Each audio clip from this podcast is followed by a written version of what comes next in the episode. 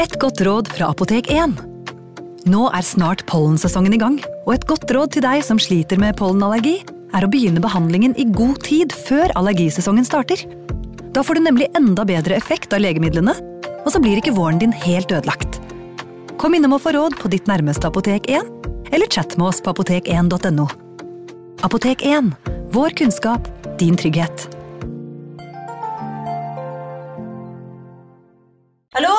Jeg kommer fra Oslo politikammer. Ine Jansen er purk. Er du purk? The motherfucking bitch. Alt jeg vil, er å finne ut hva som skjedde med mannen min. Jon Carew. Er jeg sikta for noe? Iben Akeli. Det er du. Ole So, Lars Berrum og Big Daddy Karsten. Hvem sin side er du på, egentlig? Anette Hoff, Tone Danielsen, Kommer du fra Afrika? Jørnis Josef, Nesten kløfta. Trond Espen Seim, Det er synd å si det, men det var feil mann som døde. Purk. Premiere tirsdag på TV2 Play. Hei! Takk for at du lytter til True Crime Podden dokumentar. Skulle du ønske at du kunne høre en ny episode av denne podkasten hver eneste uke? Vel, da er det bare å laste ned podkastappen Untold med en gang. I tillegg til ukentlige episoder av podkaster som Skrekkpodden, Synderne og True Crime Podden, får du masse annet reklamefritt og eksklusivt innhold. Last ned Untold i AppStore eller Google Play, og start din 30 dagers prøveperiode i dag. you.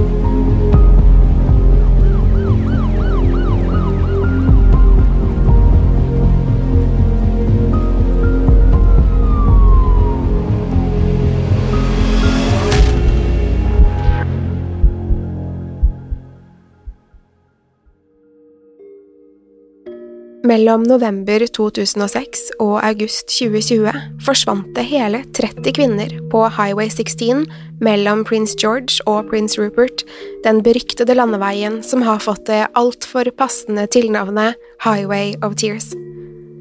I denne sesongen av True Crime Podden dokumentar er det historien til nettopp denne veien vi tar for oss.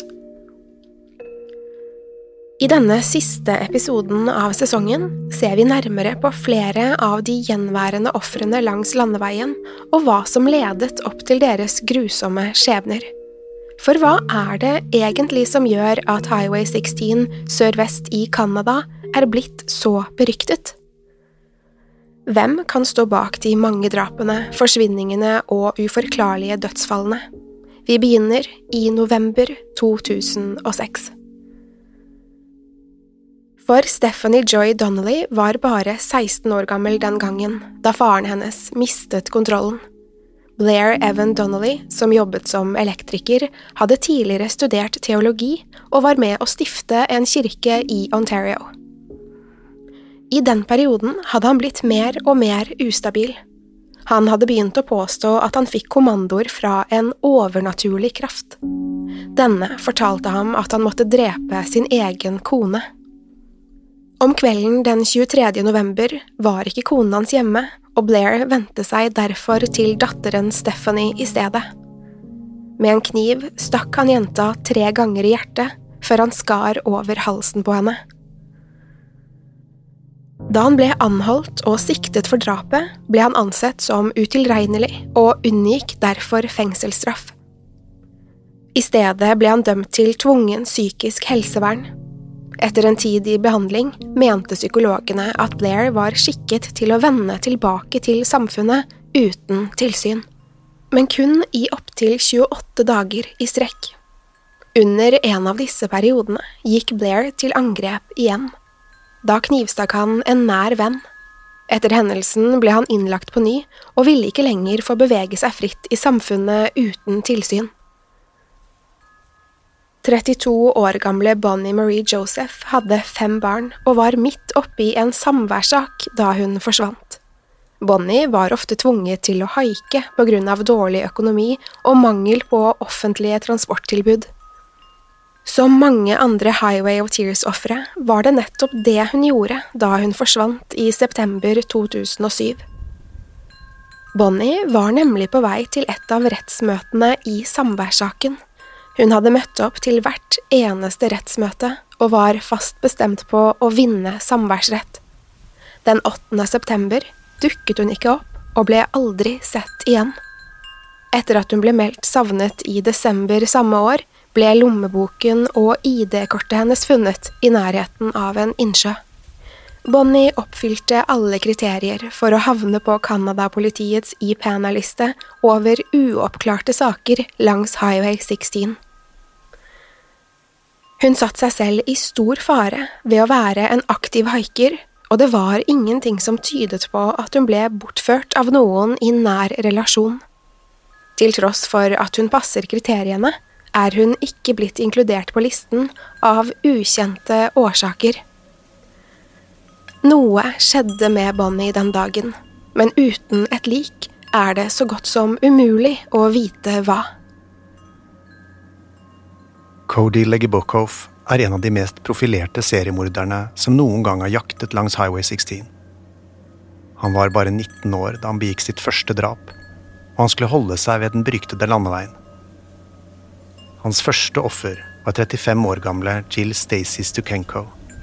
Jill var mor til fem barn og skal ha forsvunnet langs Highway of Tears i oktober 2009.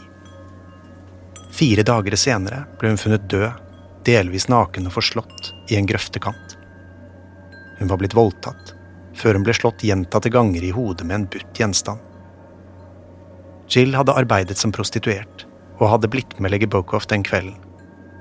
Han skulle begå enda tre drap før han ble innhentet av politiet. Legge Bokoff begynte for alvor å trappe opp aktiviteten sin høsten 2010. Natasha Lynn Montgomery ble hans andre offer. Natasha var 23 år gammel og var sist blitt gjort rede for den 26. august. Da hadde hun ringt foreldrene sine for å oppdatere dem på hvordan hun hadde det. Ingen kunne med sikkerhet si å ha sett henne etter det, verken levende eller død. Natashas kropp ble nemlig aldri funnet. Det som til slutt koblet henne til Legibokov, var blodspor med hennes DNA på flere klær og en øks funnet i hans leilighet. Dette funnet skulle ikke bli gjort før flere måneder senere. Innen den tid var to andre kvinner blitt offer for den unge seriemorderen. Den første av dem var 35 år gamle Cynthia Frances Mas. Cynthia hadde også vært involvert i prostitusjon og var sist observert i Prince George 10.9.2010. Da familien hennes ikke hadde hørt fra henne på en stund, ble hun offisielt meldt savnet 23.9. Cynthia skulle ikke bli funnet før en måned senere. I oktober ble liket hennes oppdaget av en politibetjent i en nasjonalpark utenfor Prince George. Det hadde vært et brutalt syn. Huden i ansiktet hennes var så godt som råtnet bort, og hodet hang bare så vidt igjen på skuldrene hennes.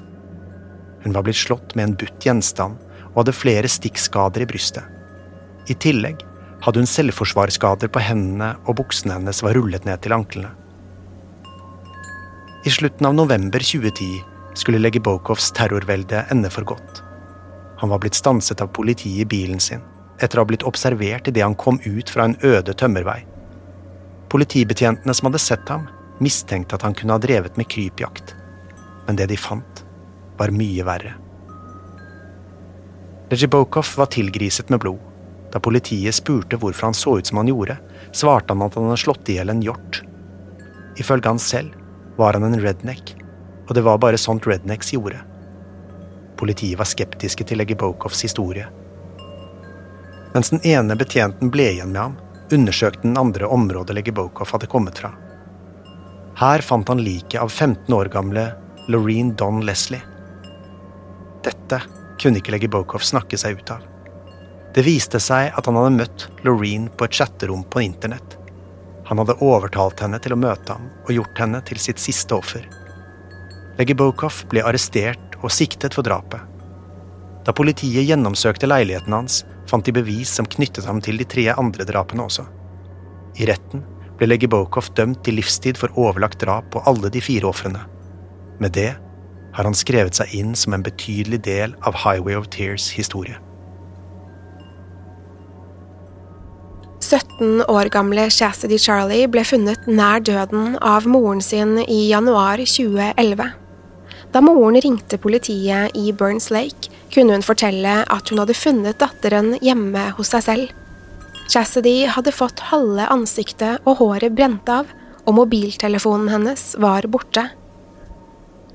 I ettertid ble en 17 år gammel gutt som Chastity kjente, arrestert og dømt for forsettlig drap. Men av guttens alder gikk aldri politiet ut med flere opplysninger om ham. For offentligheten forblir drapet på Chastity en gåte.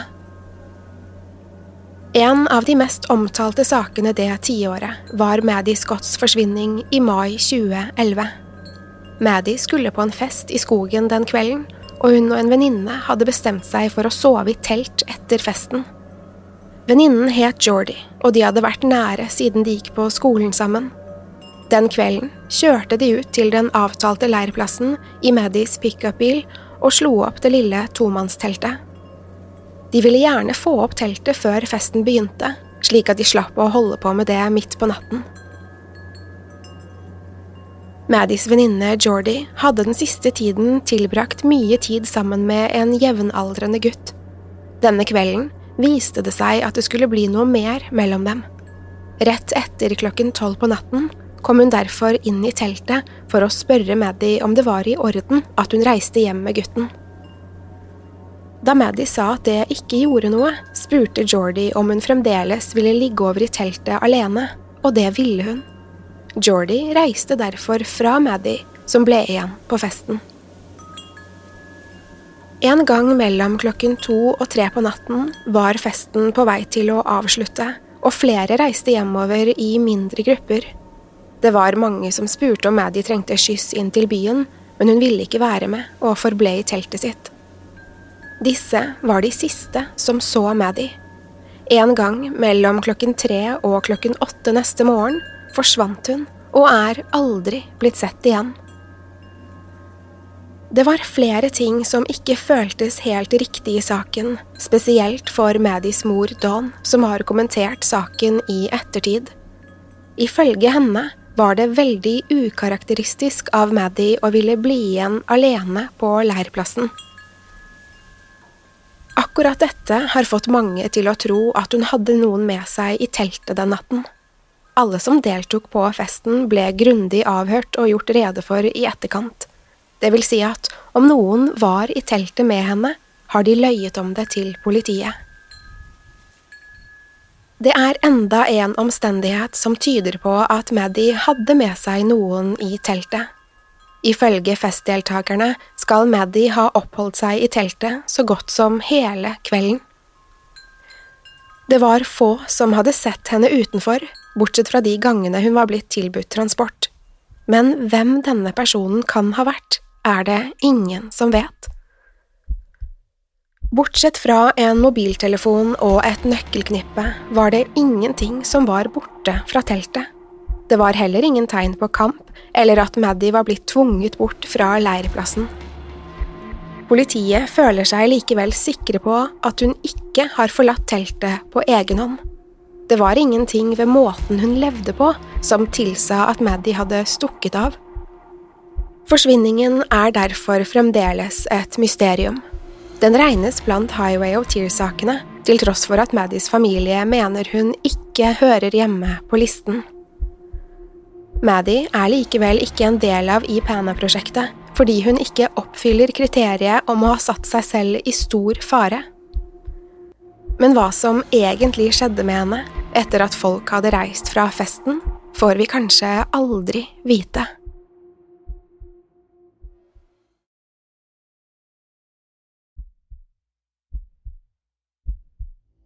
Enda et dødsfall skulle pryde 2011. I september ble nødetatene tilkalt et hus i byen Kittimat. De hadde fått melding om et innbrudd med påfølgende overfall. Da de kom dit, oppdaget de en mann og en kvinne som var kraftig banket opp og trengte øyeblikkelig nødhjelp. Mannen overlevde, men hans kone, Maria Rego, døde av skadene fire dager senere. Etter at ektemannen hadde kommet seg, kunne han identifisere en 19 år gammel gutt som gjerningsmann. Gutten hadde brutt seg inn i huset, og i et plutselig voldelig anfall hadde han gått til angrep på ekteparet. Gutten ble arrestert og dømt til livstid i fengsel for forsettlig drap på 47 år gamle Maria. 18 år gamle April Rose Johnson var nyforlovet, og det ferske paret var på besøk hos noen venner for å feire forlovelsen, i desember 2012. Utpå ettermiddagen mottok nødetaten en telefon fra Aprils forlovede om at hun var blitt skutt i mageregionen. Ifølge han selv hadde han holdt et 22-kaliber gevær og mistet det, slik at det hadde avfyrt og truffet April. Da det ble gjort undersøkelser rundt de merkelige omstendighetene, ble det konkludert med at akkurat det geværet ikke ville avfyrt på den måten. Til tross for at politiet mistenkte at det var snakk om drap, fantes det ikke nok bevis for dette. Derfor ble Aprils forlovede dømt for uaktsom håndtering av skytevåpen. Hva som ledet opp til 18 år gamle Aprils altfor tidlige død, er fremdeles ukjent. 21 år gamle Destiny Ray Tom hadde en voldelig kjæreste. Den dagen, i mars 2013, hadde han banket henne opp så kraftig at hun skulle dø av skadene. Da liket hennes ble funnet i parets hjem, hadde hun kraftige slagskader. Destiny hadde en liten datter som ble etterlatt foreldreløs. Kjæresten, Gareth Stephen George, ble dømt for forsettlig drap i 2015, etter å ha blitt arrestert like etter drapet. Destiny representerer enda et av de mest brutale og unødvendige drapene koblet til Highway 16. Enda en av de mest omtalte sakene i Highway of Tears historie skjedde i 2013. 26 år gamle Immaculate Basil forsvant i juni det året. Immaculate hadde en liten sønn som het Jameson, og var en rolig og innesluttet person. Hun var ikke kjent for å feste eller drikke alkohol, og tilbrakte mesteparten av tiden sin hjemme. Det var derfor ganske overraskende for familien da de fikk høre at hun hadde vært på en fest den kvelden hun forsvant. Immaculate hadde nylig slått opp med samboeren sin, som var faren til Jameson, og den aktuelle dagen hadde hun først vært i sin tantes begravelse. Det er spekulert i om alle disse inntrykkene hadde blitt for mye for henne, og at hun trengte et utløp. Derfor tror mange at hun deltok på festen den kvelden. I tolvtiden på natten hadde hun forlatt festen sammen med en mann som het Victor, og fetteren sin Keith. Immaculate hadde blitt sett av broren sin, Peter, da hun tok med seg en flaske vodka før hun reiste fra festen. Immaculate, Keith og Victor skal ha kjørt i en pickupbil og havnet i en mindre bilulykke. Da Immaculate ikke ville vente på at en taubil skulle komme og hjelpe dem, hadde hun begynt på hjemveien til fots, langs Highway 16. Dette var siste gang noen så Immaculate. Verken hun eller noen av eiendelene hennes er blitt funnet siden. Da Immaculates søstre ikke hørte noe fra henne dagen etter, ble de bekymret og begynte å ringe rundt etter henne. Da det ble klart at hun ikke var hos noen de kjente, meldte de henne savnet. Politiet gjennomførte store søk og avhørte alle festdeltakerne, men det ga ingen resultater. Victor, som hun hadde forlatt festen med, skal ha blitt observert dagen etter med søkkvåte klær opp til brystet. Mange mente dette var merkelig, men verken Victor eller Keith er blitt mistenkt i saken. Hvor det ble av Immaculate, er det ingen som har kunnet svare på. Halvannet år senere, i november 2014, forsvant enda en person langs Highway 16. 49 år gamle Anita Thorns bil ble funnet forlatt i veikanten. Men hvordan den havnet der, eller hvor Anita selv ble av, er det ingen som vet. Det har dukket opp flere teorier. Blant annet at bilen kan ha fått motortrøbbel, eller at det skjedde noe med Anita som gjorde at hun måtte stanse bilen. Anitas familie har en teori om at hun stanset for å hjelpe noen andre langs veien. Anita var en godhjertet person som aldri nølte med å hjelpe andre i nød. Om den hun hjalp hadde onde hensikter, kan dette være grunnen til at hun forsvant. Bilen hennes var ulåst, og vesken hennes sto fremdeles urørt i passasjersetet. Foruten Anita selv og mobiltelefonen hennes, som man regner med at hun hadde på seg, var ingenting borte.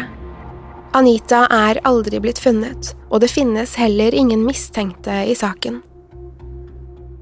I oktober 2017 forsvant nok en kvinne fra området.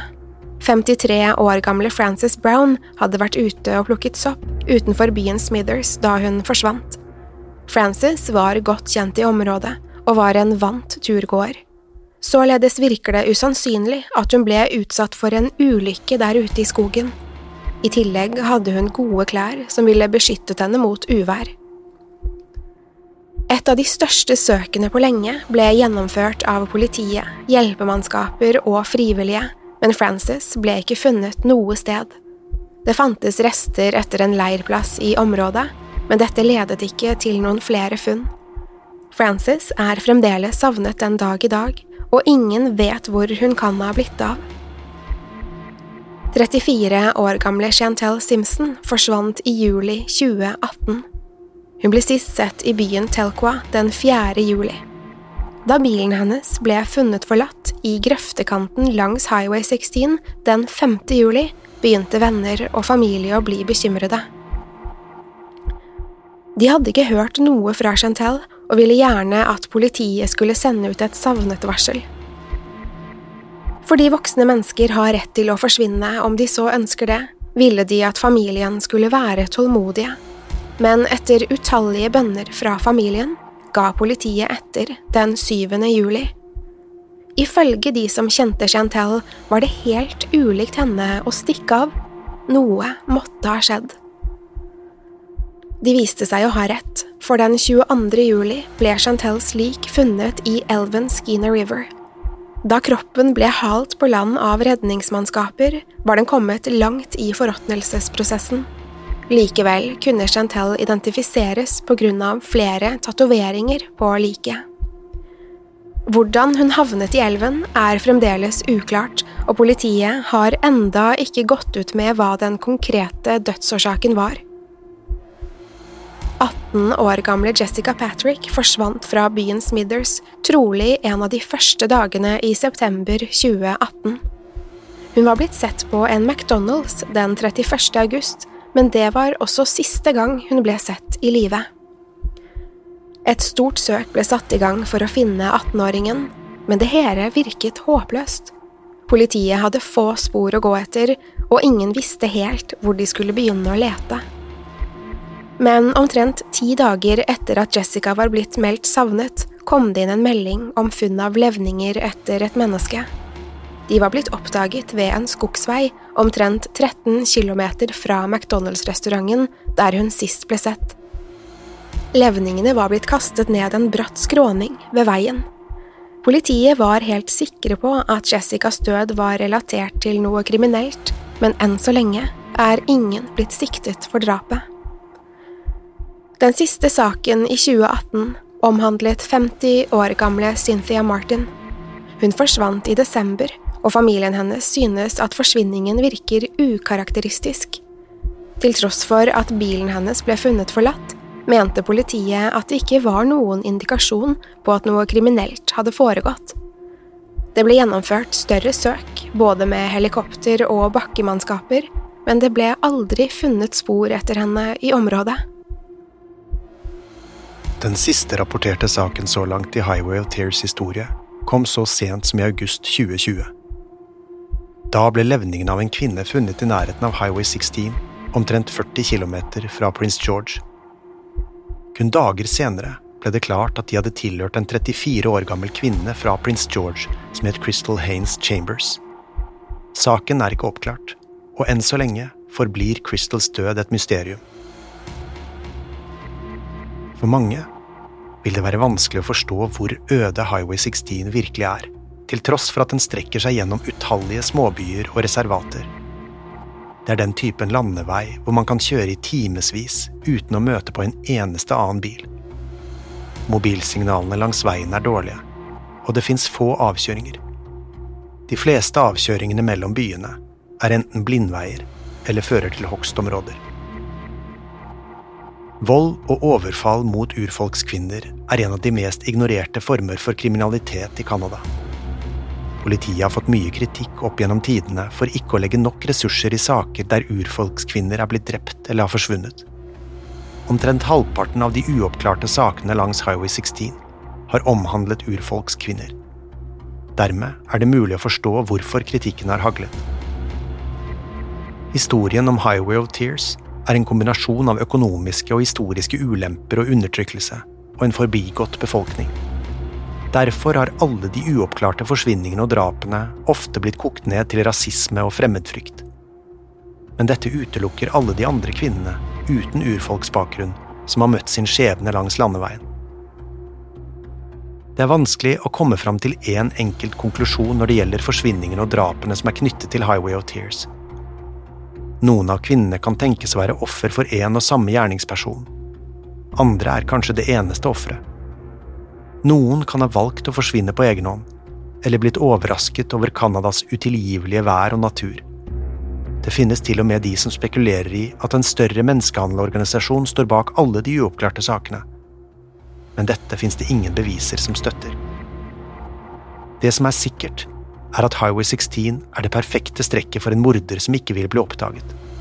En person, helt uten tilknytning til offeret eller samfunnet, kan plukke opp sårbare kvinner og kjøre av gårde uten å være redd for å bli gjenkjent. Nettopp fordi landeveien strekker seg gjennom så mange småsteder. Skogen som omkranser veien er tykk og ufremkommelig, og i tillegg finnes det utallige innsjøer, myrer, elver og dammer der man kan kvitte seg med et lik. Det finnes tusenvis av kilometer med grusveier som sjeldent er i bruk. Det kan tenkes at flere av sakene langs Highway 16 ikke oppklares, fordi det ikke finnes noe lik eller et åsted å gå ut fra. Noen av kvinnene kan virke som de har blitt borte i løse luften. Da er det så godt som umulig å lede en etterforskning til en oppklaring. Om sannheten bak alle de grusomme historiene som har rammet Highway 16 noen gang vil se dagens lys, er det umulig å svare på. Over 70 kvinner har forsvunnet eller mistet livet langs veien, fra 70-tallet og helt frem til i dag. Noe ved den landeveien tiltrekker seg død og ulykke. Det eneste som er helt sikkert, er at tilnavnet Highway of Tears er usedvanlig passende.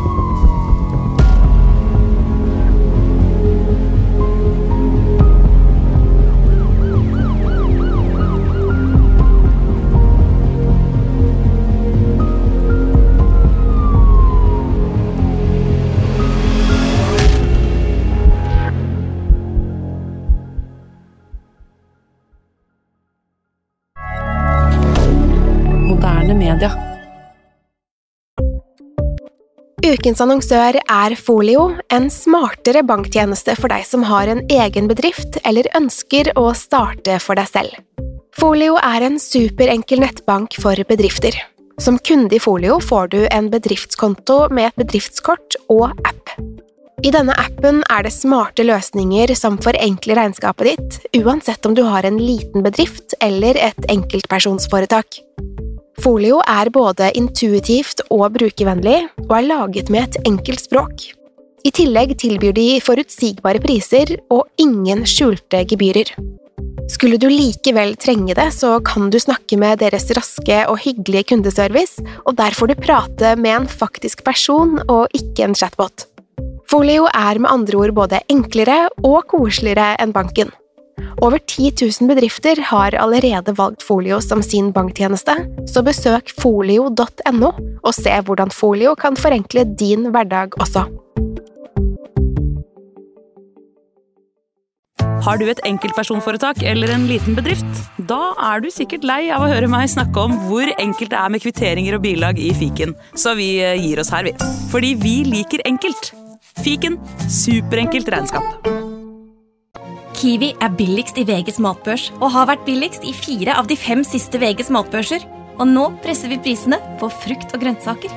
På 200 gram broccolini setter vi prisen til 24,90. På 400 gram Cevita blåbær setter vi prisen til 49,90. Og husk, alle Kiwi Pluss-kunder får i tillegg 15% trumfbonus på all fersk frukt og grønt. For det er vi som er prispresserne. Og vi i Kiwi gir oss aldri på pris.